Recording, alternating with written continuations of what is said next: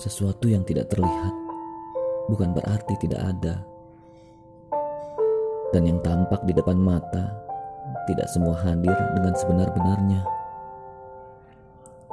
Sejatinya, ada atau tidak ada terletak pada kita dalam merasakan. Namun sebagaimana akal yang mudah tergelincir, sebuah rasa pun bisa saja terkecoh. Menyisakan trauma mendalam. Aku sulit memahami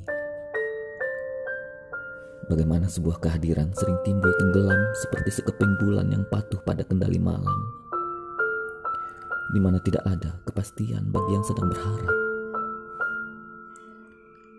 Sebuah kehadiran telah menjadi penting seperti halnya aliran napas. Bahkan ada masa saat udara tidak lebih penting dari seseorang yang diinginkan untuk ada. Semestaku bergantung pada semestamu, walau sering berubah secara tidak terduga.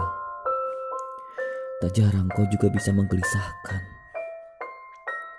Serta merta keraguanku bersepuh rasa takut yang sama akan kehilangan. Dadaku menyempit dengan cepat.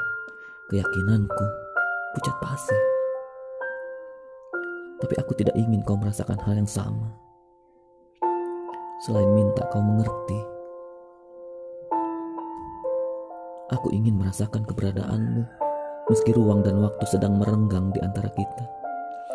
Dan itu selalu sama halnya kau hadir penuh serta utuh ketika jumpa sedang mendekatkan kita.